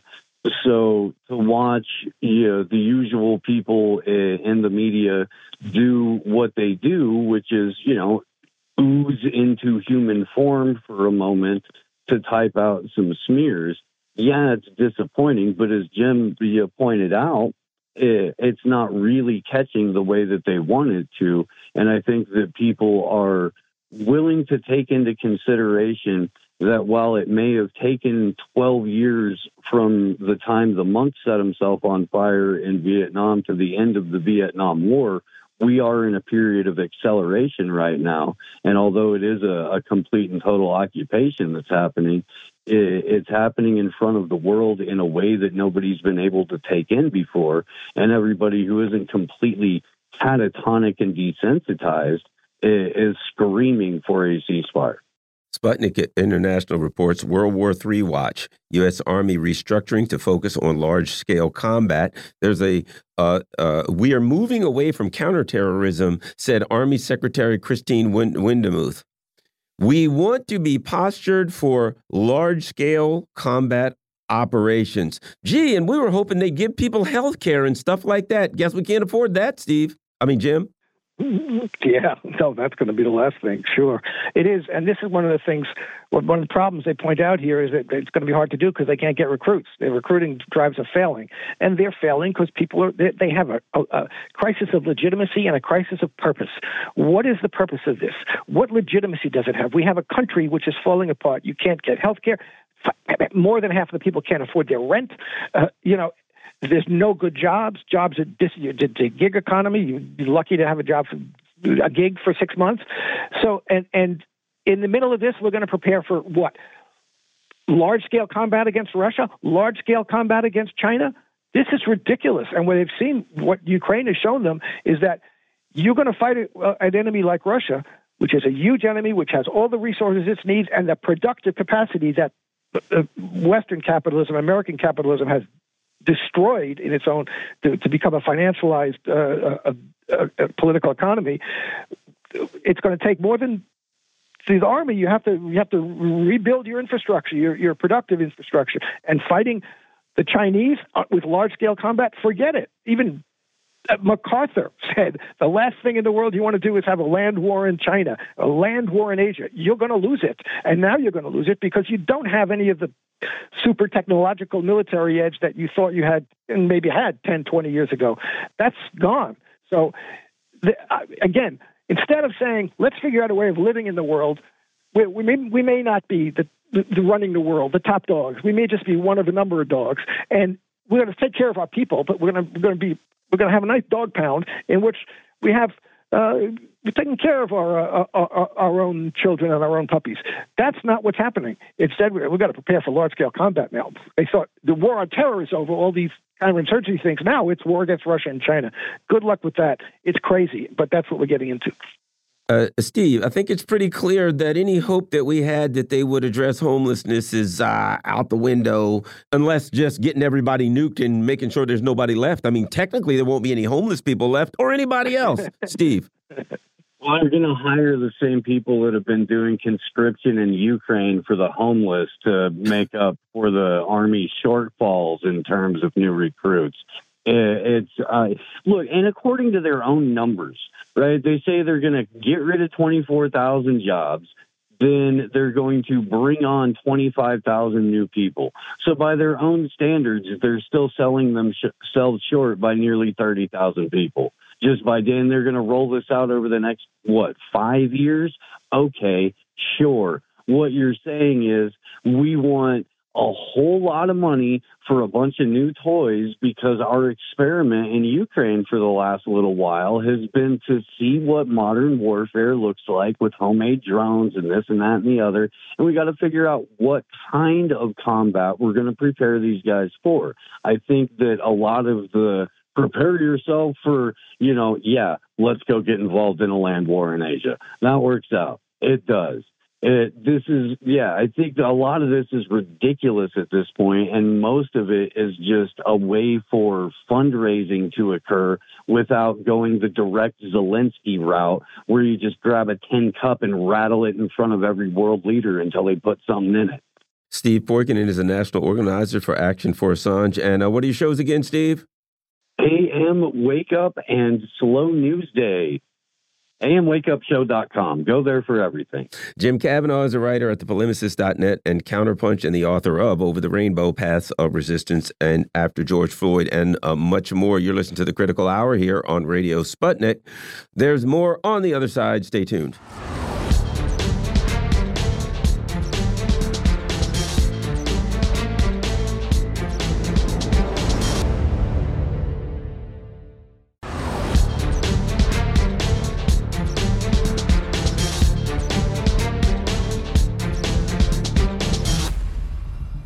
We are back, and you're listening to the Critical Hour on Radio Sputnik. I'm your host, Garland Nixon, here with my co host, Dr. Wilmer Leon. Thank you, Garland.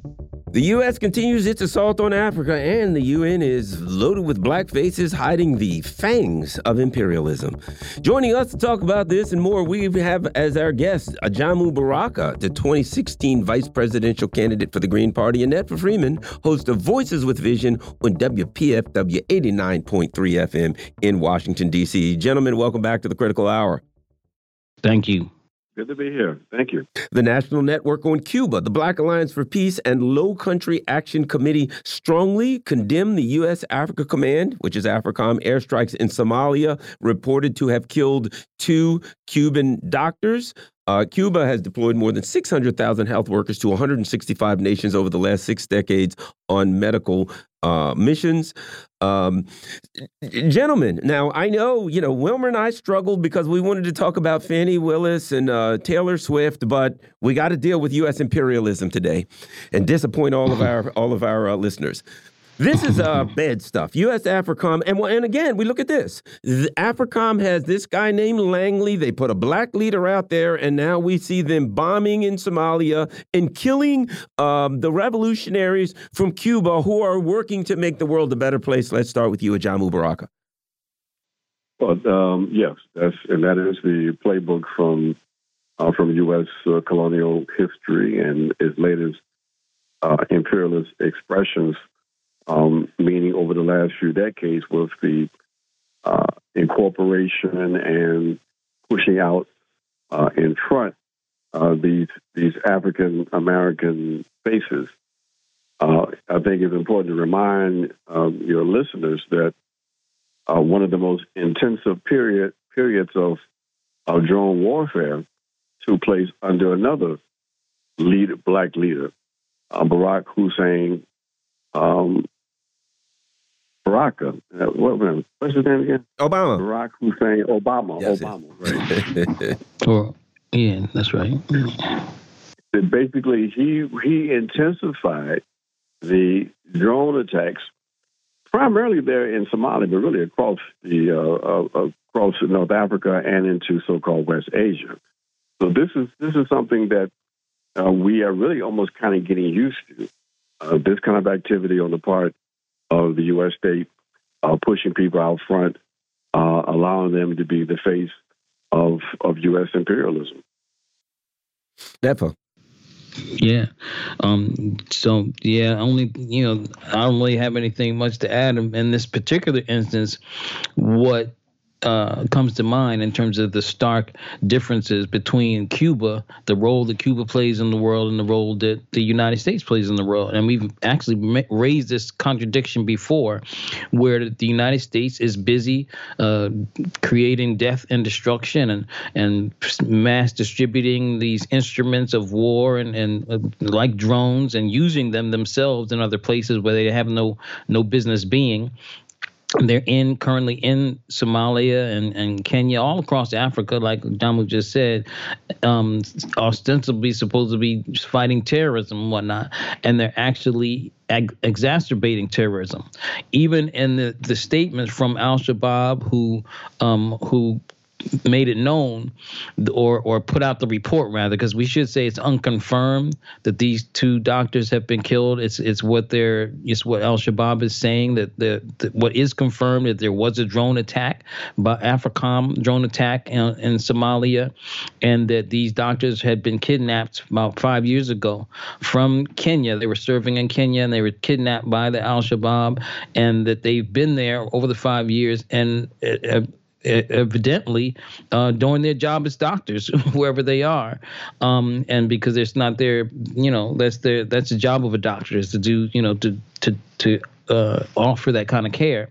And because the United States does these drone missions and uh, calling them what they call it collective defense or something like that. They always put some kind of name on it to make it seem, make it seem, and also some some other word that they use to to give this notion that the Somali government invites them in there that they have this permission all the time. They they put that out there every time there's a drone strike and they want to talk about the people who've been killed or whatever whatever happens.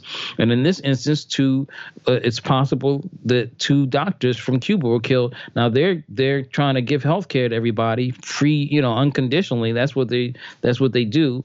And then um but the United States does the opposite. They out here killing people on the guise of, you know, of uh trying to you know serve some benevolent police force around the world. Um, and so that's, you know, it's par for the course is what the United States does. And, and also um, what this whole, this expansion of the drone bases, I mean, and the drones is really continuing because we just got uh, news about a couple weeks ago that they're planning to put more drone bases in uh, Ghana, Ivory Coast, and Benin, I believe. Um, and those are really bordering this, these alliance of Sahel states, what they see as a threat. So, you know, that's really what this is about. You know, it's their continued domination and control in the guise of being benevolent or doing something, and then also juxtaposed to real uh, human and internationalism and solidarity that Cuba gives.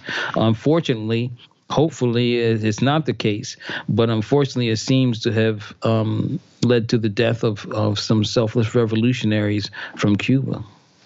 You, you know ajamu one of the things that came to mind as i read in your appeal the president of cuba's national assembly is now traveling to kenya to carry out urgent negotiations and confirm the status of the doctors lives. That just takes me uh, to the to the New York Times uh, story that Kenya signs a deal with Haiti to send a thousand police to to uh, to the Caribbean. It that just popped in my head. Your thoughts, Ajamu Baraka? No, no, it, it, and that that's a good pop because basically uh, it popped in my head also. Mm-hmm. These kinds of connections and the fact that um, you know, Kenya is is right in the middle of this. I mean, the very fact that that you have that uh, military activity in Kenya, um, where the doctors were were captured, uh, is is a consequence of the of the uh, role that Kenya has allowed itself to play in advancing um, uh, the interests of, of the U.S. and West and the West in the Horn of Africa. So this this role that they've been playing for quite some time now is now being expanded into into our region. So yes, this is uh, this is the new face of uh, the new new strategy.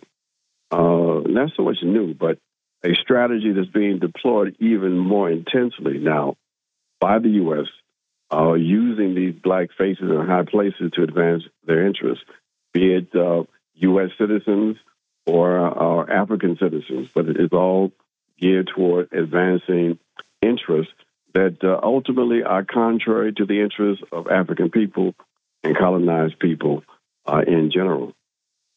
Netfa, uh, speak speak to that in terms of a lot of people here have probably never heard of Kenyan President William Ruto, but he is now um, really coming on the scene. Not that he hasn't been there for a while, but you're starting to hear his name more. You're starting to see Kenya's role as as a um, of of the United States.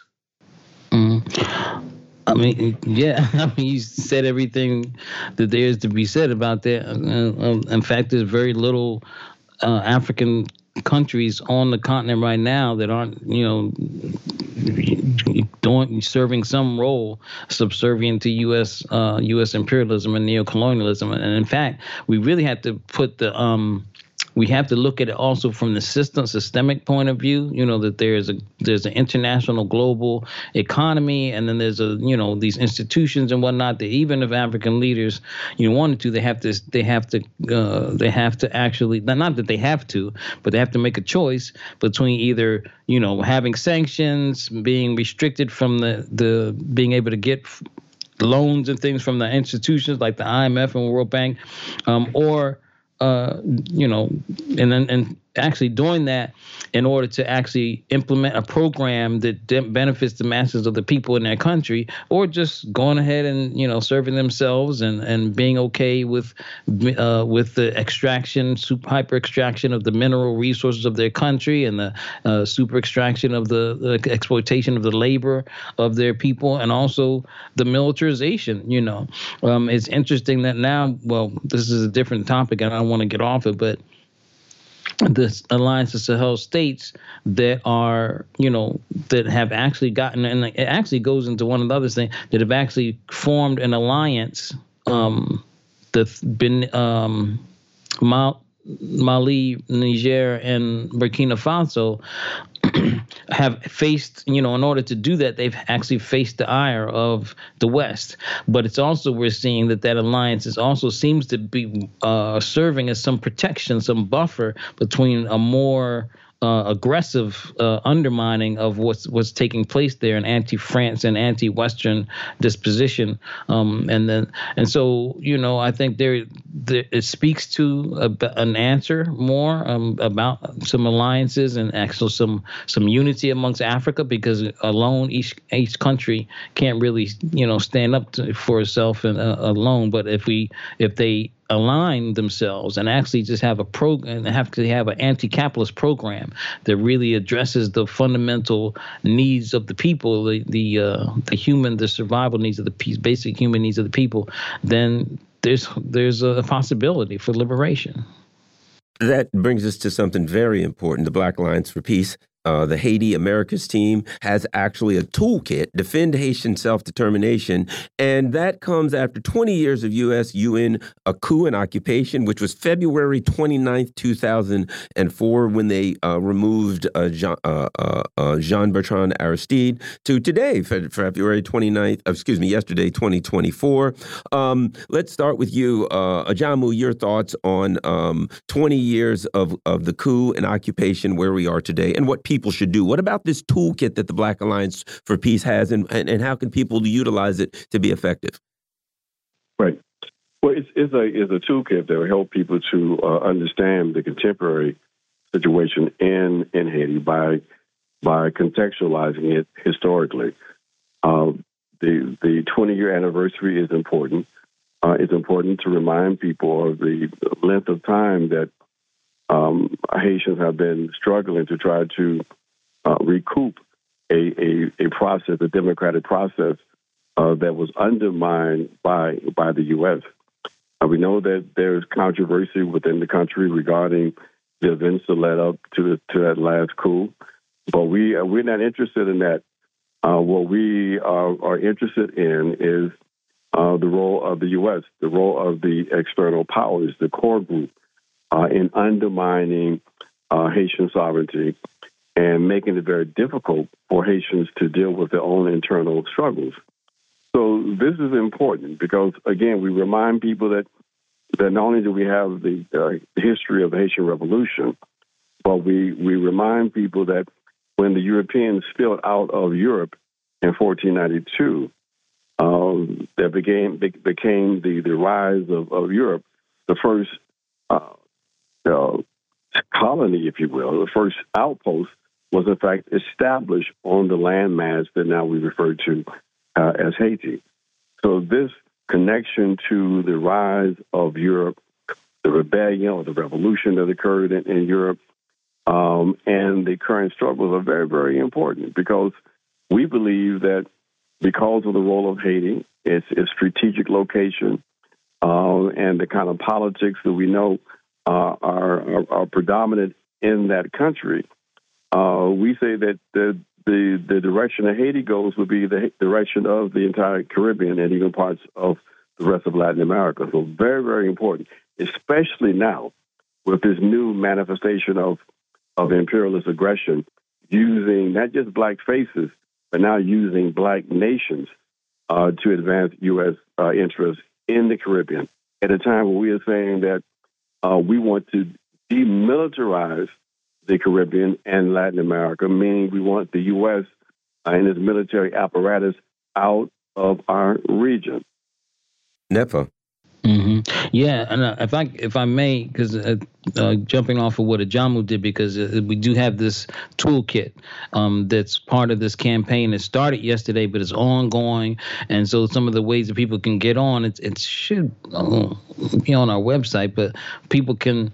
Um, there's a small Bitly. Um, thing, but people can find it on our on our on our social media, Black Lives for Peace um, Blacks Four Pieces on Twitter. We used to be Instagram is at Black Alliance for Peace, all spelled out, and then Facebook. We're not hard to find on Facebook, but it has. We have the you can print out a zine, Haiti zine. We're calling it. It's a little small handheld magazine thing, and other materials. Print them out and pass it out in your community because a lot of people, like John, uh, John said, we just don't even don't even really know about the history of Haiti and what's going on and what the U.S. role is there, and then draw the connections between Haiti and Palestine. And so we print a you know there's there's another Haiti Palestine slash zine, a small, and then organize and facilitate facilitate teachings. There's information to help people do that, like a, uh, you know modules or uh, a, you know module to, to facilitate a teaching and hosts a local uh, uh, art build, posting posting uh, and images on Instagram and all that, and and it's, it's all that with social media and hashtags and whatnot. So that's what that's a good you know thing. But in, and I'll just say this also about it the the um the situation in in Haiti and beginning with ever since well not way before the oh, um deposing or the the coup of Jean Bertrand Aristide but before that but since Aristide we're seeing from that point the turmoil and the destabilization we see in Haiti now is a result, a direct result of that. And that the core group is responsible for that. When they start talking about gang violence and all that kind of stuff, this this is a deflection from the fact that they have been denying uh, the Haitian people their right to self-determination. There's an it's an unelected government right now that the United States installed from Ariel Henry, um, uh, the president, and other people. And so the whole government is not even they haven't even been able to have an election, and they know that the people have been demonstrating for this, but they keep trying to make these excuses. Well, this is why they're going to, you know, trying to use also Kenya, make these excuses to build this force that they have to claim that they have to go in and fight the gangs, and it's just out of control. Well, you know, the the problem is the Black Alliance for Peace says the problem in Haiti is not a gang problem; it's an imperialism problem, and so um, people have to understand that and be able to support support it from that standpoint. And and Ajamu, uh, to that point, it's not a gang problem; it's an imperial problem. It, I'm looking at this. Uh, France's malign influence still hangs over Africa. It's an RT piece, and, and that needs to change. And it and you know history shows us time and time again as France gets itself in trouble as a colonizer, the United States steps in and backs the play. That's what we're seeing in Haiti. That's what we saw in Vietnam. We've seen this in, in Niger. Uh, the United States, again, cosigns on the loan for colonialism. Exactly. And what is significant today is that those kinds of connections that you are making are now becoming more obvious to, to more people. It's become clear um, that uh, the real enemy for, for liberation uh, is, in fact, uh, the U.S. and its Western allies. And so these connections are being made, and as a consequence of those connections being made, it's becoming clear what we have to do. It's becoming clear that it's not just about who sits in the white folks' house, but it's about what do the people do to recognize and to realize their own inherent power to transform their, their conditions and to transform these relationships. So that heightened consciousness is something that uh, is very apparent.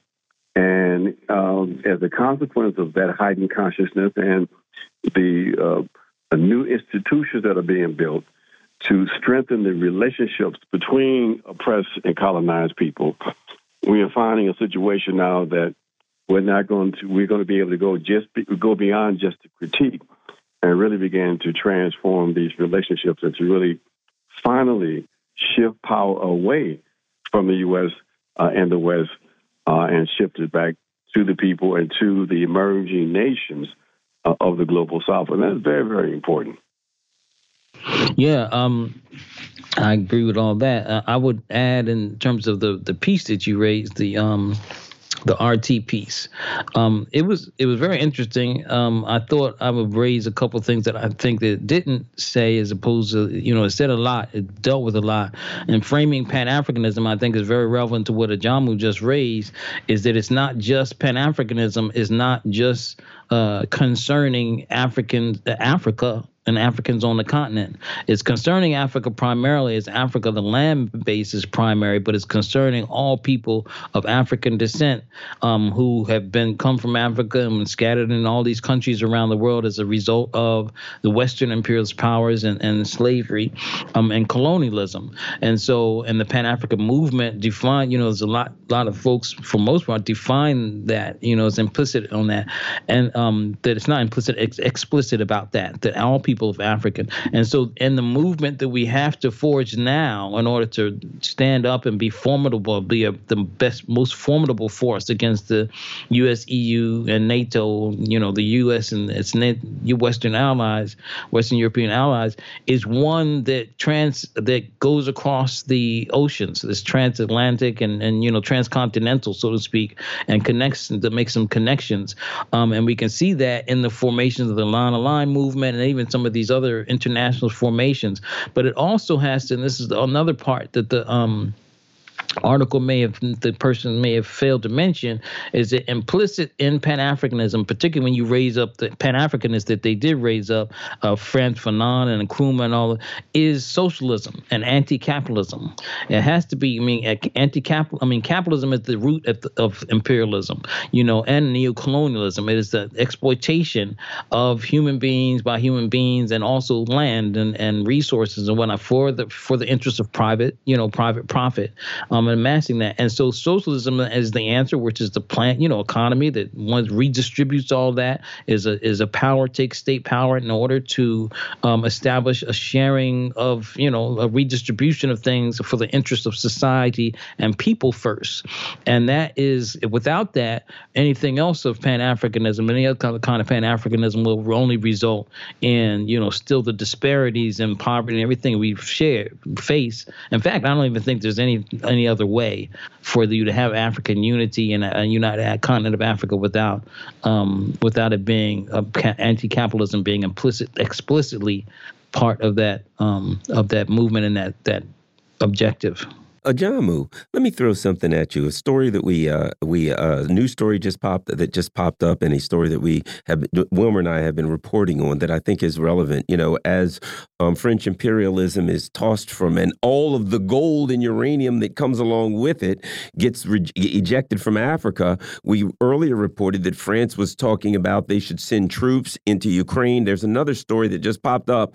France considering placing special forces in Ukraine, according to Le.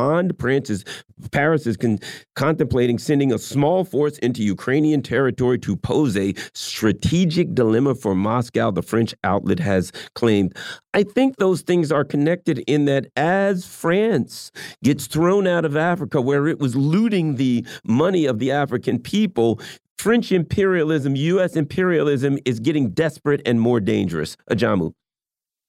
Well, that's that's true, but this is even more ominous um, in the sense that that they are setting up a situation where there can be more massive intervention across across Western Europe.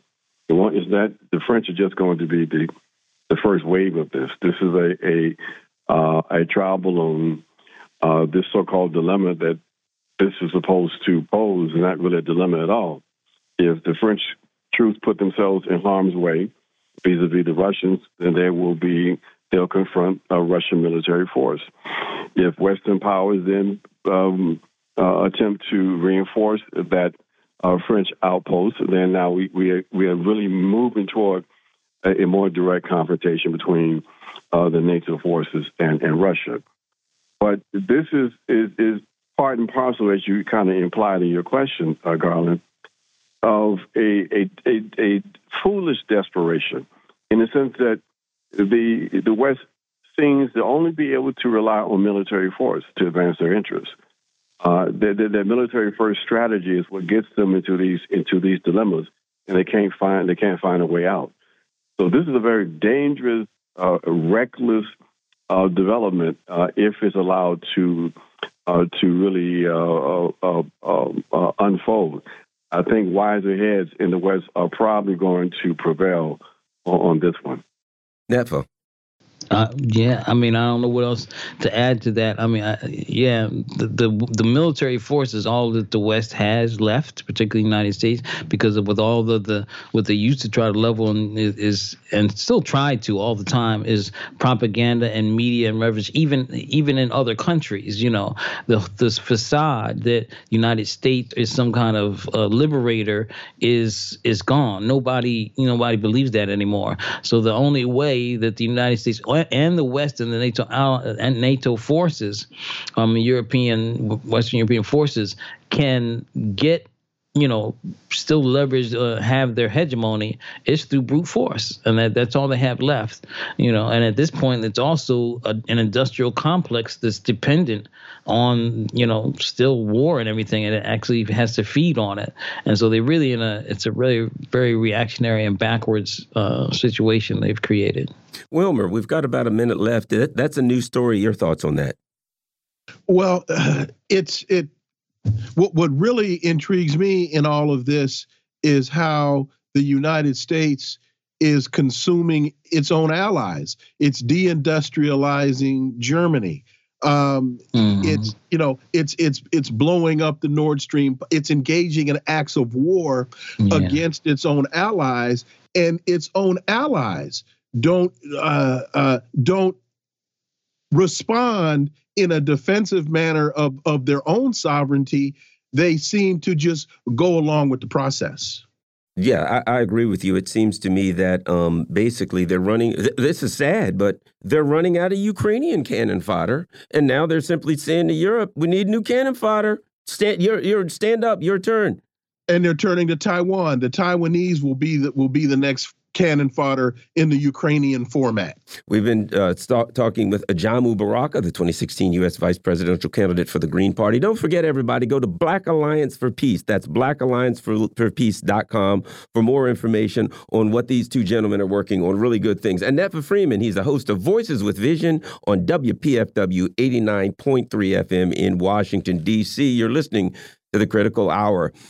You've been listening to Critical Hour here on Radio Sputnik. Thank you for allowing our voices into your space. On behalf of myself and my co host, Dr. Wilmer Leon, we hope you were informed and enlightened. We look forward to talking with you all tomorrow, right here on, well, not tomorrow, Monday. We won't be here tomorrow, right here on Radio Sputnik in Washington, D.C. Be safe. Peace and blessings. We are out.